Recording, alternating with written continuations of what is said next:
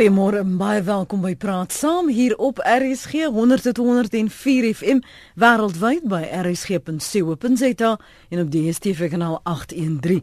My naam is Lenet Fransis, regisseur is Jody Hendriks. Kom ons praat aktuelle sake vanmôre. President Jacob Zuma sê die drie bene van die staat funksioneer goed soos wat deur die grondwet van die land vereis word.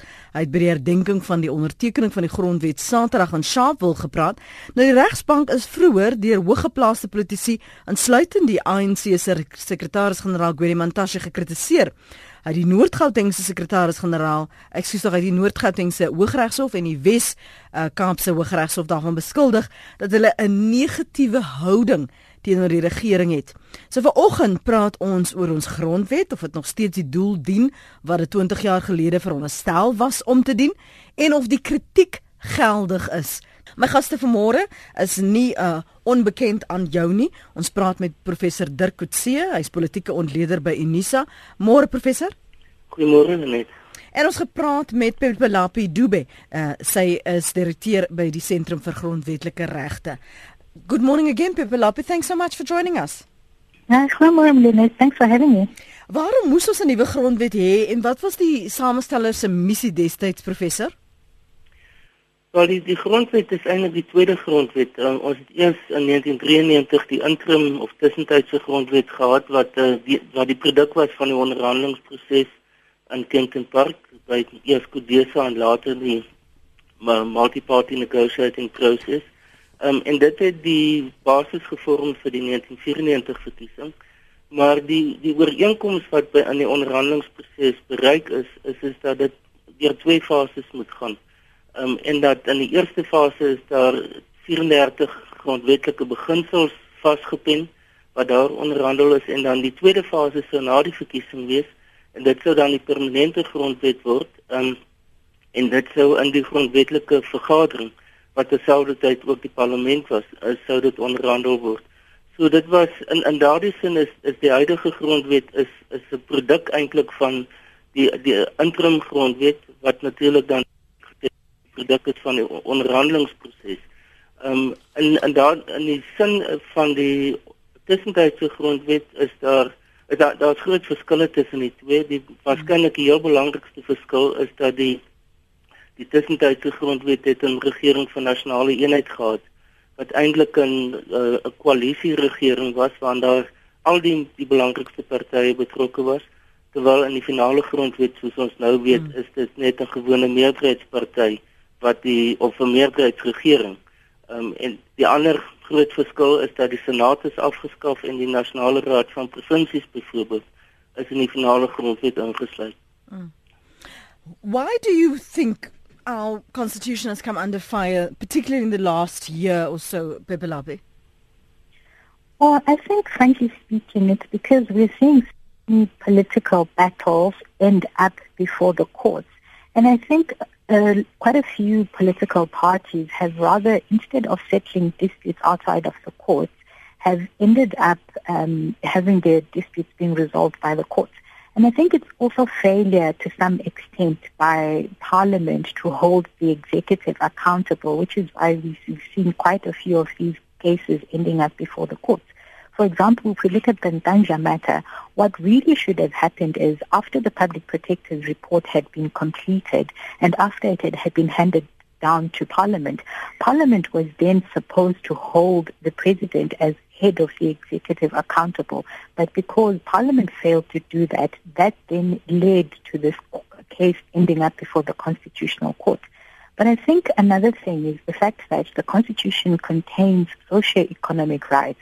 And those socio-economic rights are really the kind of rights that are supposed to enable South Africans to have, you know, better lives in terms of access to education, access to housing, access mm. to healthcare. And I think in a lot of instances, that's simply not being followed through for a variety of reasons. You know, whether we're talking maladministration at local government level or whether we're talking about government departments which simply don't have personnel that are capable of discharging those duties. So I think it's in a sense led to a sort of disillusionment by a lot of South Africans who feel that, well, yes, there's this constitution, but it really doesn't have a tangible um, meaning in my life. So, for example, we've seen the fees must fall movements, which basically occupied the news for the last year, in the sense that you've got this constitution which says that everybody has a right to higher education, but then there seems to be a fence that's been put around that right to higher education in terms of the fact that universities require students to pay fees. And there are a lot of students who can't afford that fees that universities are, are, are demanding of students. So of course it does create, in a sense, the sense of, well, the Constitution doesn't have any meaning for me. So I think mm. those are really the two biggest issues that um, create this impression that there are some problematic aspects of the Constitution. Is die die kritiek regverdig in die sin dat mense voel veral as ek dan verwys na die Fiesmas volveld tog dat die grondwet net versekerde sekere groepe in die land bevoordeel en dat ons elke keer word die grondwet ingesleep en dit nie noodwendig die grondwet is wat die skuldige is nie is die die aanwending en die interpretasie professor. Help 'n bietjie reg? Ja, daar daar is definitief spesifiek van die linkerkant af is daar definitief 'n interpretasie wat sê die, die grondwet is daar om die status quo te beskerm um, om die wat veral selfs tydens die oorgangsperiode in die vroeë 90s die wat toe die ekonomiese mag gehad het dat hulle in 'n groot mate onaangeraak is deur die veranderings. Ehm um, die grondwet op sigself het baie min aandag gegee aan die ekonomiese aspekte en die, die rede daarvoor was dat die die uitgangspunt van die onderhandelinge was dat dit um, nie nie by beleidsake betrokke moet word nie, maar dat dit eerder grondwetlike beginsels en 'n raamwerk grondwetlike raamwerk moet neerlê en binne daardie raamwerk kan verskillende regerings dus verskillende beleide ehm um, uh, formuleer en en en dit implementeer uh, afhangend van hoe omstandighede verander. Ehm um, want die die idee was is dat 'n grondwet, 'n Suid-Afrikaanse grondwet moet iets wees wat nie gedurig verander moet word nie, dat mm. dit 'n standvaste dokument moet wees um, wat miskien meer beginsel georiënteerd is um, en dat verskillende implementerings van daardie beginsels dus moontlik is. Ek dink wat wat ons nou sien is is dat veral met aspekte soos byvoorbeeld eiendomsreg, soos byvoorbeeld grond, ehm um, is daar en dan ook aspekte soos die gebruik van grond vir byvoorbeeld behuising, ehm um, dat dit is waar die die linkerkant vanaand kom en sê wel die grondwet maak dit eintlik onmoontlik vir vir radikale veranderings in die sosio-ekonomiese patrone in die samelewing. Ek dink die wat wat ons werklik sien is is dat die grondwet en interpretasie ah, die die die howe 'n interpreterende rol begin speel en dit is nie uniek tot Suid-Afrika nie. Die meeste uh is uh, howe grondwetlike howe in die wêreld dit dit is is, is eintlik is dit hulle primêre funksie. So uh, 'n uh, grondwet se se teks bly naaste by dieselfde maar dit kan op verskillende maniere oor tyd geïnterpreteer word afhangend van omstandighede en nuwe ontwikkelings wat daar is. Hmm. Ek dink dis een van die redes hoekom veral by hierdie sosio-ekonomiese regte wat in hoofstuk 2 genoem word as deel van die menseregte en dit is veral daar waar die die Suid-Afrikaanse howe redelik aktief was. Um, en om 'n sekere interpretasie daaraan te gee. Een voorbeeld byvoorbeeld is die die afskaffing van die doodstraf. Ons grondwet sê elkeen van ons het die reg op lewe. Daar's nie 'n spesifieke verwysing na die doodstraf nie. Maar een van die eerste uitsprake van die hof, van die grondwetlike hof, was juis om te sê die reg op lewe sluit die doodstraf uit. So dit is 'n interpretasie wat nie deur die parlement of deur 'n regeringsbesluit uh, geïmplementeer is nie, maar deur die howe. En daar daar's 'n veelheid van ander voorbeelde, die sogenaamde grootboom saak wat spesifiek gaan oor die interpretasie van mense van ons reg om om skuilings om by implikasie huisvesting te hê. Mm. Wat wat is die implikasies daarvan en vir al die verantwoordelikhede vir die regering in daardie geval? En dan wat ons sien 'n ander aspek is is ek dink wat die regering baie dikwels nou deesdae na verwys is waar ehm um, oppositiepartye en ehm um, nie regeringsinstellings soos die Alan Suzman Foundation en ander wat hulle sekere aspekte ook na die howe toe neem. En in daardie geval gaan dit oor dit is steeds 'n vorm van interpretasie, maar die howe is eintlik in hierdie geval is die waghond om seker te maak dat die prosedurele aspekte wat deur die uh, grondwet voorgeskryf word, um, dat dit nagekom word. So dit gaan nie oor die meriete van die besluit nie en dit is waar die skeiding gewoonlik gemaak word tussen die wetgewende gesag of uitvoerende gesag en dan die regsprekende gesag. Mm. Is dat hulle kan hulle self uitspreek oor prosedurele administratiewe aspekte, maar nie oor die meriete nie. Byvoorbeeld die besluit om van die internasionale strafhof te trek. Die hof nou ja. ons ons kan nie aan daarbey inmeng nie want dis 'n regeringsbesluit maar die prosedure wat gevolg is dit dit is wel waarna ons kan kyk That was going to be my follow-up question to you Pepelapi whether that um decision to withdraw is is clearly part of interpretation is this also a matter of being confused about where power lies and who wants it and who wants to apply it Yes, it certainly does create that impression. But I think at the same time, we need to bear in mind that, you know, in terms of our constitution, you know, the supreme law of the land is the constitution, right? And that all the other branches of the government, whether we're talking about parliament and whether we're talking about the executive, we need to bear in mind that ultimately their conduct is prescribed by the constitution. But at the same time, even though these three branches of government obviously have their unique functions, and in terms of the doctrine of separation of powers, they all have their specific functions and their specific role to play. I think it's also important to bear in mind that the power or the balance in all of this rests with the court. Ultimately, whatever conduct or whatever policies they come up with, they still need to come back and be aligned with the Constitution. So I think certainly right now the impression that's created with some of these um, state institutions, for example, the National Prosecuting Authority, for example, SARS, is the fact that they appear to be serving a certain political agenda and it's an agenda which is not in line with the constitution. So for example, the fact that um, we know from newspaper reports that the head of the National Prosecuting Authority had actually visited Lutuli House on the night before that he announced the charges against the finance minister, that obviously creates the impression that he's getting orders from somewhere else. And that is obviously not in line with the Constitution because both the Constitution and the National Prosecuting Authority Act say that this body should be acting without fear or favor. So obviously, if you're going to be seen within the vicinity of um, of certain political parties or if you're going to be seen to be having a close relationship with certain politicians, it does create the impression that one isn't acting without fear or favor. Baie dankie vir jou geduld vanoggend Connie môre. Môre net ook gaste, ek sal net aansluit by uh, professor Kutse rondom die howe en ek dink ons kan regtig trots wees dat ons grondwet is hierdie jaar uh funksioneel en baie sukses die howe veral nie die konstitusionele hof ehm um, aangewend. So ek verwys dan ook dan die uh, openbare beskermer Tuli Bodensela wat baie suksesvol was in hierdie in hierdie uh geval veral rondom die grondwet uh, waar president Zuma betrek was. Ek wil net by die gaste hoor. Dink hulle nie daar is dalk in die grondwet 'n probleem rondom aanstellingsmagte? Hmm. En uh, die opsig dat uh, president Zuma sit in 'n in 'n magsposisie maar ons sien die grondwet en ander uh, wetgewing talle aan uh, alle talle ander aanstellingsmagte is aan die president verleen. Uh ons weet die parlement en ander staatsinstellings in sommige gevalle is mede verantwoordelik, maar meestal berus hierdie mag uh, uitsluitlik by die president. Hmm.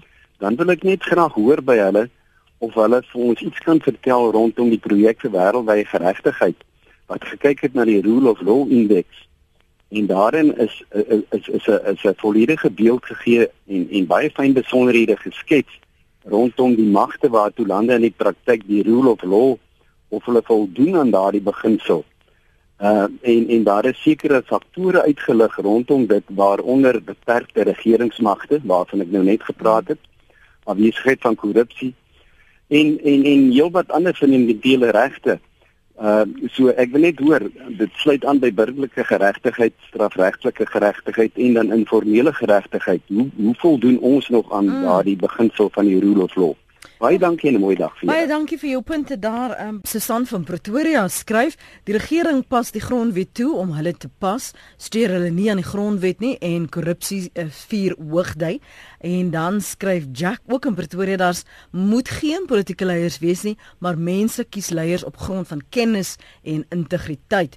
En nog 'n luisteraar sê: "Die grondwet is geldig en relevant, veral vandag met politieke leiers wat dit verniel. Eintlik moet ons van politieke partye ons ontslaa raak. O, dis deel van Jack in Pretoria se kommentaar. Ek loer ook na wat jy skryf op ons webblad rsg.co.za. Jy's baie welkom om daar 'n boodskap na die ateljee te stuur. Johan sê, ehm um, die opstellers van die grondwet het 'n massiewe foutiewe aanname gemaak, 'n aanname wat in praktyk uitvoering gee aan die grondwet wat andersins net 'n klomp ink op papier is. Hierdie aanname is dat die president van die land en die parlement primêr in belang van die land sal besluite neem. Dis nou duidelik dat dit nie die geval is nie. Ons grondwet is pragtig modern en ons almal is baie trots daarop. Dis ongelukkig heeltemal te modern vir 'n duidelike primitiewe politieke kultuur binne die ANC. Ons gas vanoggend professor Dirk Coetzee en Pepe Lapidube. Professor, wat sê jy van wat Johan daar sê dat um, ons die aanname maak dat die president en die parlement in belang van die land sal optree maar ons het ook die konstitusionele hof uh, hoofregter Mogeng Mogeng se kritiek gehoor dat dit nie noodwendig altyd die geval is nie. Ja, op die oog af klink dit dalk heel reg, maar die eerstens sal mens vra wat is die alternatief? Ehm um, op wat watter tipe aanname moet gemaak word um, om 'n tipe van 'n werklikheid te kan weerspieël wat miskien dan meer gepas is? Vir my is dit nie 'n probleem die wyse waarop die, die grondwet aannames maak oor instellings nie, want dit is waaroor dit gaan. Hulle maak nie aannames oor persone nie. Ehm um, ons het al dikwels gesien hoe dieselfde grondwet deur verskillende presidente in verskillende dele van die wêreld op verskillende maniere geïnterpreteer word of inhoud daarin gegee word. So dit is nie die probleem van die grondwet nie. Die grondwet is 'n is 'n fasiliterende skep 'n fasiliterende raamwerk. Dit ehm um, skep 'n raamwerk waarbinne 'n regering kan funksioneer, besluite kan neem, beleid kan bepaal um, en kan regeer. Ehm um, die groot probleem sal wees as 'n grondwet te voorskrifklik van aard word um, en dat sekere mense by implikasie dus uitgesluit word. As ons nou net kyk wat in die afgelope tye in in Europese lande gebeur het, in Brittanje, um, in Italië nou heel onlangs nou met die referendum daar. Ehm um, in Griekeland nie baie lank gelede nie. Dit is alles lande met ou gevestigde uh, grondwetlike tradisies. Ehm um, en waarskynlik gaan ons volgende jaar gaan ons redelike groot klomp aksies sien in in Frankryk met hulle verkiesing en in Nederland met hulle verkiesings. En dit vind nog steeds binne 'n baie ou gevestigde konstitusionele bedeling plaas, maar politieke partye en politieke leiers en eerste ministers en presidente geen spesifieke karakter daarin op 'n spesifieke oomblik. Um, ek dink nie dat daar enigiets anders moontlik nie. As dit te voorskrifklik begin word, gaan dit in 'n sekere sin 'n soort van 'n autoritaire stelsel tot stand bring en dis presies dit wat ons wil probeer vermy. So die ek dink die die die die fout wat ek sou sê wat baie mense maak is deur te sê die grondwet moet alles wees vir almal. Ehm um, dit moet so voorskrifklik van aard wees dat dit elke spesifieke detail situasie kan hanteer.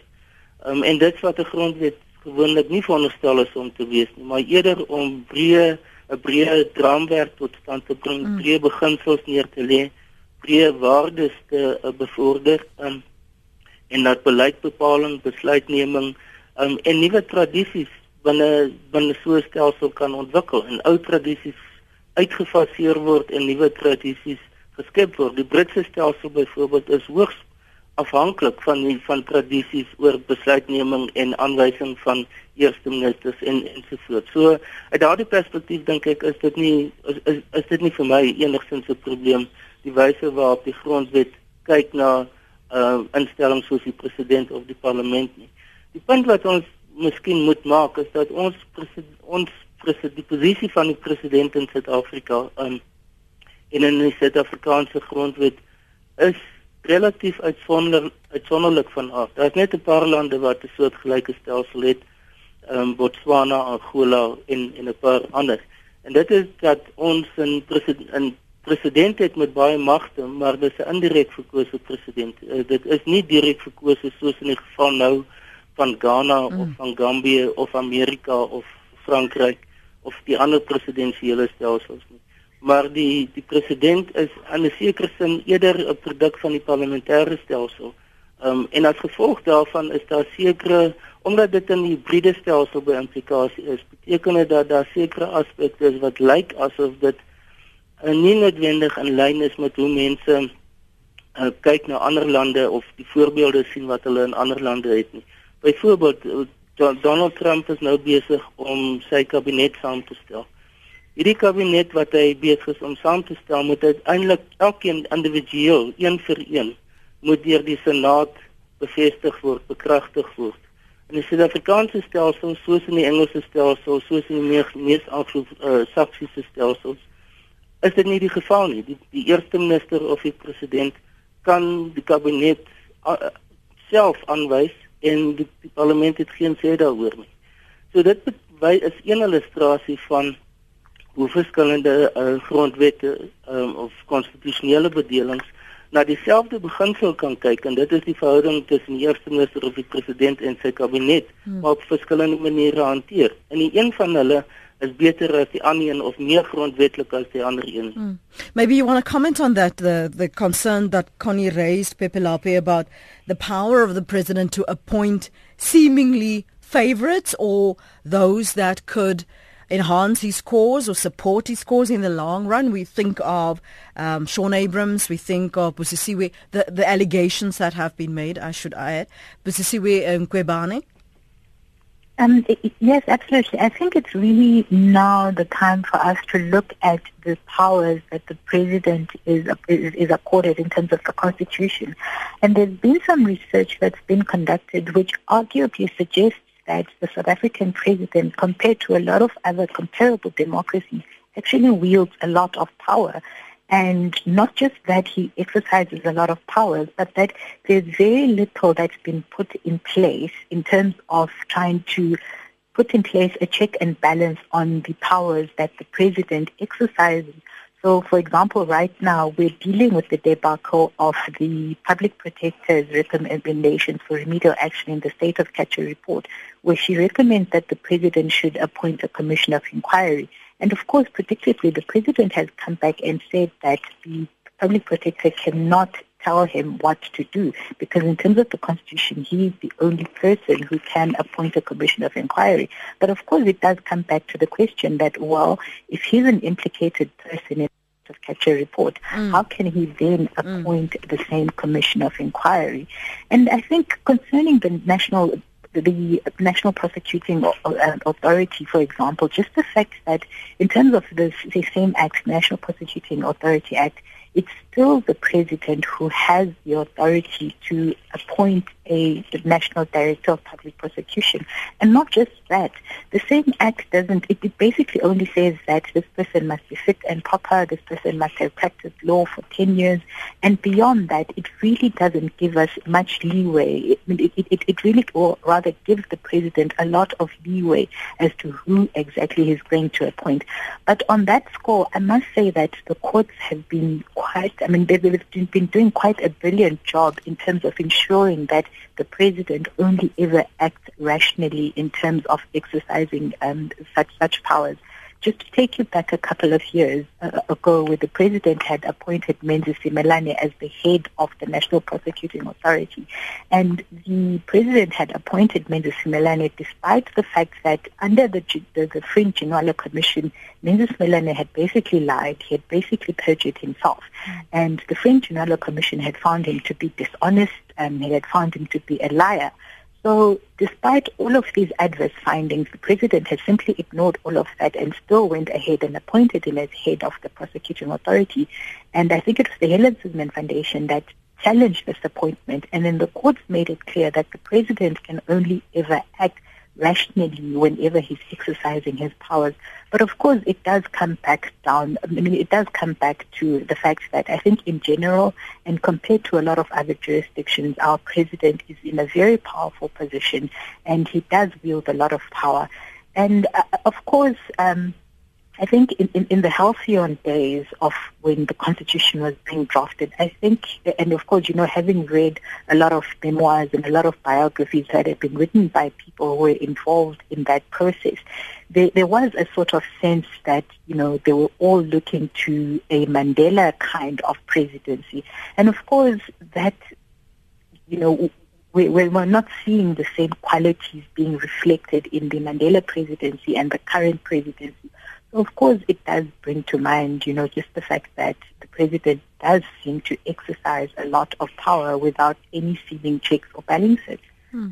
And I think it's also linked to our electoral system in the sense that ideally the president as head of the executive should be held accountable by parliament. And in fact, this is what the constitution says, that the parliament is not just there to pass laws, but parliament is supposed to exercise this oversight function over the president.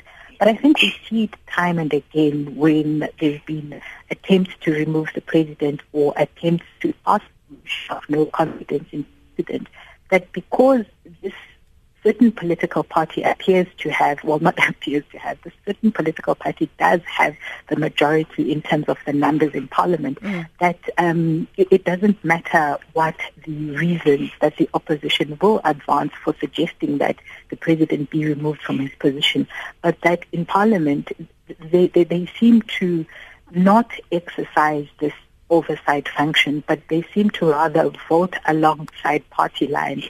And because of that, it's very difficult for Parliament to then hold the executive accountable mm. in the way that the Constitution envisages the whole notion of separation of powers to, to act. And just to give you one last example, just bearing in mind that after the Nkandla judgment, I think, you know, and if you read into that judgment, um, the court came very close to saying that the president had actually broken his oath of office. Yeah. Basically, the court said that, you know, the president had acted unlawfully, he had broken the constitution. And then on that basis, the opposition in parliament tried to introduce a motion of no confidence. Mm. And we know that in terms of the constitution, um, a serious violation of the law or a serious constitutional infringement is one of the grounds upon which a motion of no confidence can be passed. So I think in this instance there was actually a factual reason and a factual ground for passing a motion of no confidence. But we saw again what happened, that the um, members of the governing party tend to vote en masse and they tend to vote in terms of a particular party line, which really at the end of the day means that it's very difficult to hold the executive accountable. Wat mense onmiddellik laat wonder professor of die wat daar sit werklik die grondwet verstaan en hulle daaraan eerbiedig dat hulle dit onderskryf. Want as dit so uitgewys word en ek verstaan ook dat dit 'n interpretasie is maar dat dit so aan ons hoogste hof uitgewys word dat dit 'n skending van ons grondwet is en 'n persoon uh, maak homself daaraan skuldig moet jy dan nie juis stem volgens jou gewete nie en nie die party politiek uh, uh, se se se se beginsels onderskryf nie Ja, en en in die teorie is is, is jy reg daarmee dat ehm um, dit is wat die veronderstelling is om te wees. Dit is die veronderstelling dan ook is is dat persone is meer in hulle eie reg in die parlement as wat hulle verteenwoordigend van politieke partye is. En ek dink dit waar dit terugkom na die die kiesstelsel in Suid-Afrika wat omtrent alles oorwegend uh partypolities gefokus is en dat daar eintlik geen plek vir die individu is in die parlement is nie. Dis net in plaaslike owerhede waar daar die, die kombinasie van individuele direkte verteenwoordiging en partytetiese verteenwoordiging is. So dit is die die negatiewe kant van die proporsionele verteenwoordigingsstelsel wat gebruik word in in die parlement en en op plaaslike uh, provinsiale vlak ook. Ehm um, maar dit, dit dit beteken nie dat dit onder alle omstandighede voor in die toekoms wel die geval gaan wees dat dit die manier is hoe mense gaan stem nie. As jy mens byvoorbeeld nou kyk na uh, wat op in die verskillende parlementêre komitees besig is om plaas te vind. Verlede week was die SABC in die spervuur um, in 'n spesiale ad hoc komitee um, van die parlement. So en daar is die die die die, die raad van die SABC is word deur die die parlement uh gaan deur 'n parlementêre proses en dan word in die naam van die president uiteindelik aangestel. So die weer eens om te kyk na en, en om miskien terug te gaan na die magte van die president toe is dat daar gevalle waar die daar parlementêre proses is vir die aanstelling van 'n persoon wat uiteindelik dan aanbeveel word um, na die president toe en dan word die persoon in die naam van die president aangestel. Ons weet van die, die wyse waarop regters aangestel word. Maar daar is ook gevalle waar daardie proses nie noodwendig die resultate lewer dat dit totaal al enige probleme kan uitskakel nie. So die hmm. die proses op sigself en die magte wat die president het is nie noodwendig of 'n rede vir die probleme of die die die wigte en teenwigte wat daar veral binne die parlement bestaan by die aanstelling van van baie van die poste dat dit noodwendig die probleme uitskakel.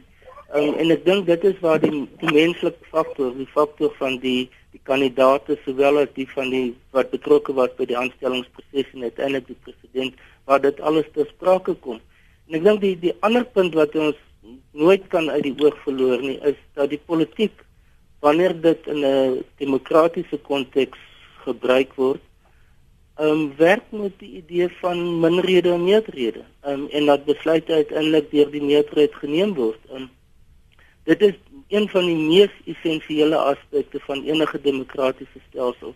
En as ons dit bevraagteken en sê byvoorbeeld wel ons moet eerder kyk na die meriete van 'n persoon in steede van die politieke proses wat daar agter was of by die aanstelling van 'n of die die besluitneming wel dan dan kom hierdie twee in konflik met mekaar en ek dink dit is wat miskien een van die die punte vorentoe gaan wees is hoe gaan ons 'n demokrasie tot stand bring wat nie in die eerste instansie op minderhede en meerderhede gebaseer is mm. nie um, en nie op op, op besluitneming gebaseer is wat met meerderhede werk nie. En dit as mense nou weer teruggaan na ons oorspronklike gesprek waar die idee van die integrering van nasionale eenheid ingekom het, is om verskeidenheid te probeer akkommodeer. So dis miskien in die toekoms kan ons as as daar 'n gevoel is, is dat hierdie stelsel is te te verouderd van aard dat die die die die die, die meerderheidsidee te dominant is in die besluitnemingsprosesse in ons grondwet Wel dan kan 'n mens begin dink aan alternatiewe, maar ek dink nie daar gaan baie mense wees wat ten volle die meerderheidsbeginsel gaan opgee en een of ander hmm. meer onderhandelde vorm van beginsels um, gaan begin aanvaar nie, want dit is in essensie waaroor die politieke proses gaan, is om te kyk wie het die meerderheid en wie die meerderheid steun en dan by verkiesing word besluit of dit nog steeds die, die ou patrone nog steeds die geval is. Hmm. 0891104553 as jy vanmôre wil saamgesels oor ons grondwet en waarom daardie laaste ruk so baie kritiek was. Uh, Peer is op lyn 2. Peer ons hou vir jou aan môre. Môre Lenet en Dirk, uh, professor Dirk. Ek is ook 'n kotse. Hoor hierso, ek wil by, by by professor Dirk weet, hoekom word daar nie straf uitgedeel en wie moet die straf uitdeel as die grondwet oortree word? Want al die politici en die president oortree die grondwet, maar daar word geen straf uitgedeel nie. Ons kon al lankal ontslaag geraak het van hierdie regering as daar 'n straf uitgedeel was. Goed Pier, dankie vir jou mening. Uh Hans, môre? Môre net môre prof en allei uh, pragtige kommentaar. Uh baie belangrik. Dit is grootste deurbraak in 93 was daar twee onderbewuslike konsensus bereik deur al die groot geeste. En daai tyd het eh, was die basiese begrip gewees. Kom ons reël nou net een met mekaar. Ons kan in die 94 grondwet in. Alles is mooi in in in lyn op twee voorwaardes. Ons gaan nie weer bomme plant om 'n politieke standpunt te maak of om mense seker te maak om vrede te bereik. Ons is baie geseën En van 94 af het ons 'n baie goeie trek rekord op daai een. Die ander een was die 11 regters. Ons het ons regstaat met ons 11 regters van die Concord en ons gaan nie albei daarvan af. Daai twee voorwaardes sodat ek en julle almal lekker kan praat vandag. En ek vertrou en glo. Nooit moet dit verander word. Dankie. Dankie Hans daarvoor. En terwyl jy praat, kyk ek op na die tyd en dis kwart voor 9 toe ek opkyk langs neffens die die die uh, horlosie is ons landsvlag. En en, en dis die waardes wat ons probeer vanoggend uitpleis dit wat dit verteenwoordig ons landsvag en volkslied ons grondwet en uh, die kritiek wat dit vir ons as land beteken en vir ons as as uh, burgers die rigting wat dit probeer gee al dan nie. Dankie vir jou oproep Tom.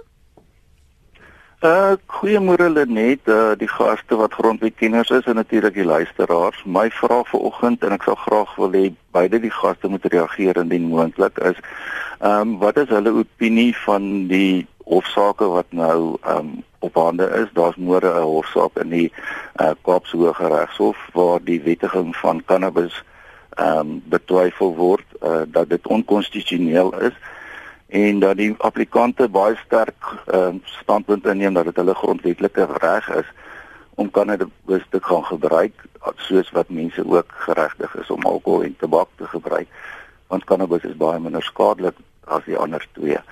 Ehm um, en dan natuurlik volgende jaar gaan die groot saak in Gauteng wees. So dis hulle dalk net 'n bietjie daaroor kan uitwys as ek bly ek luister by die radio. Dankie uh, Tom. Ehm uh, die dat dit onkonstitusioneel sou wees om mense nie toe te laat om dagga te rook as hulle dit wil doen nie. Professor D. Robbenheimer skryf: uh, "Demokrasie kan slegs werk as die volgende 3 hoeke van die driehoek in plek is: 'n goeie stel wette en reëls, dis ons grondwet, die mag wat die grondwet kan afdwing en beskerm en 'n bevolking wat die grondwet wil nakom." Ek is van mening ons het tans net een van hierdie hoeke van die driehoek in plek, dis 'n goeie grondwet. Daar moet hard gewerk word om die driehoek weer te vestig slegs deur onderwys en opleiding skryf professor Dion Rabbenheimer. Ons kan nou nou terug daarna verwys. Kom ons gee gou aandag aan ons inbellers, uh, Pierre Hans en Tom. Pepilapi, you seem to have been uh, quite amused that Tom said um at least our constitution allows for citizens to go to court and say but I want to smoke cannabis. Uh, I should be allowed to do that. Your comments about uh, his his uh, constitutional rights.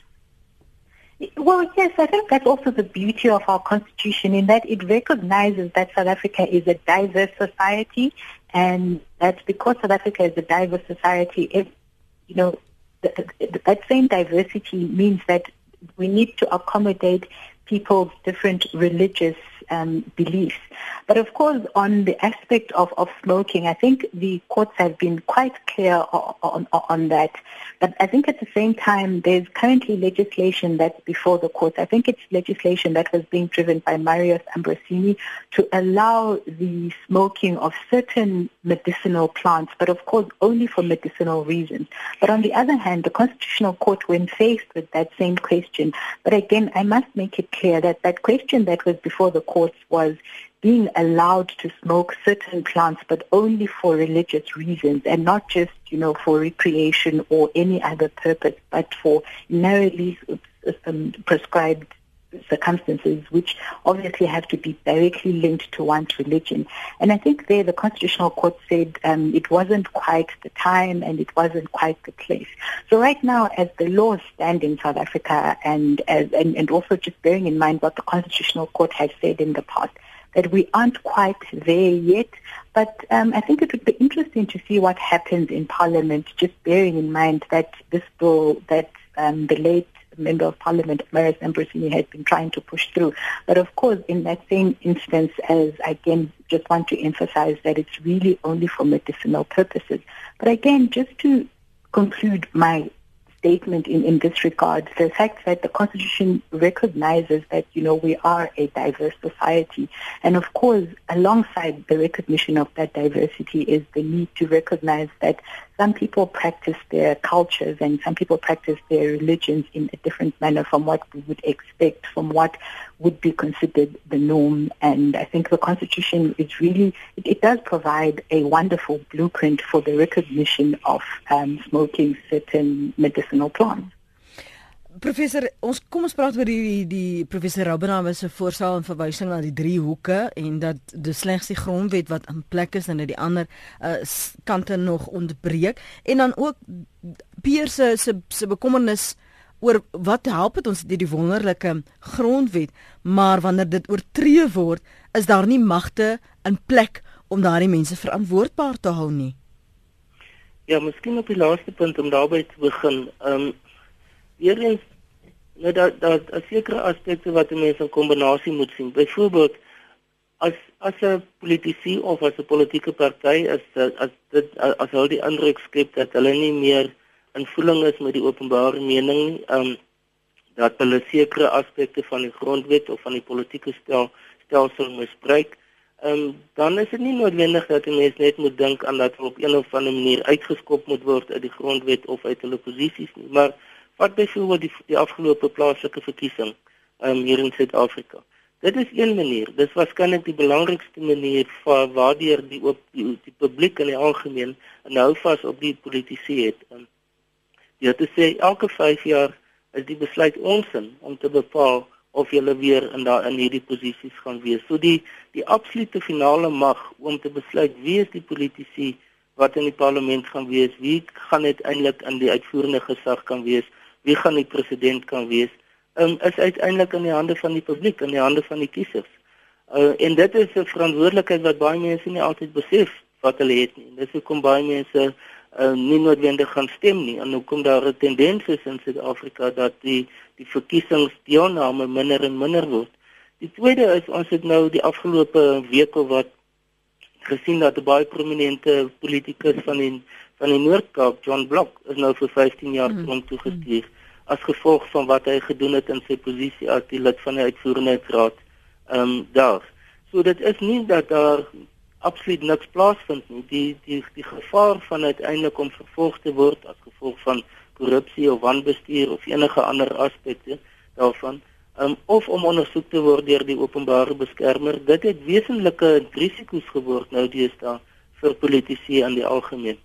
Ek sou toegee dat dit miskien nie heeltemal genoeg is nie, maar ek dink nie ons moet die indruk skep dat daar absoluut niks plaasvind of dat daar geen magte is of dat daar geen prosedures is nie.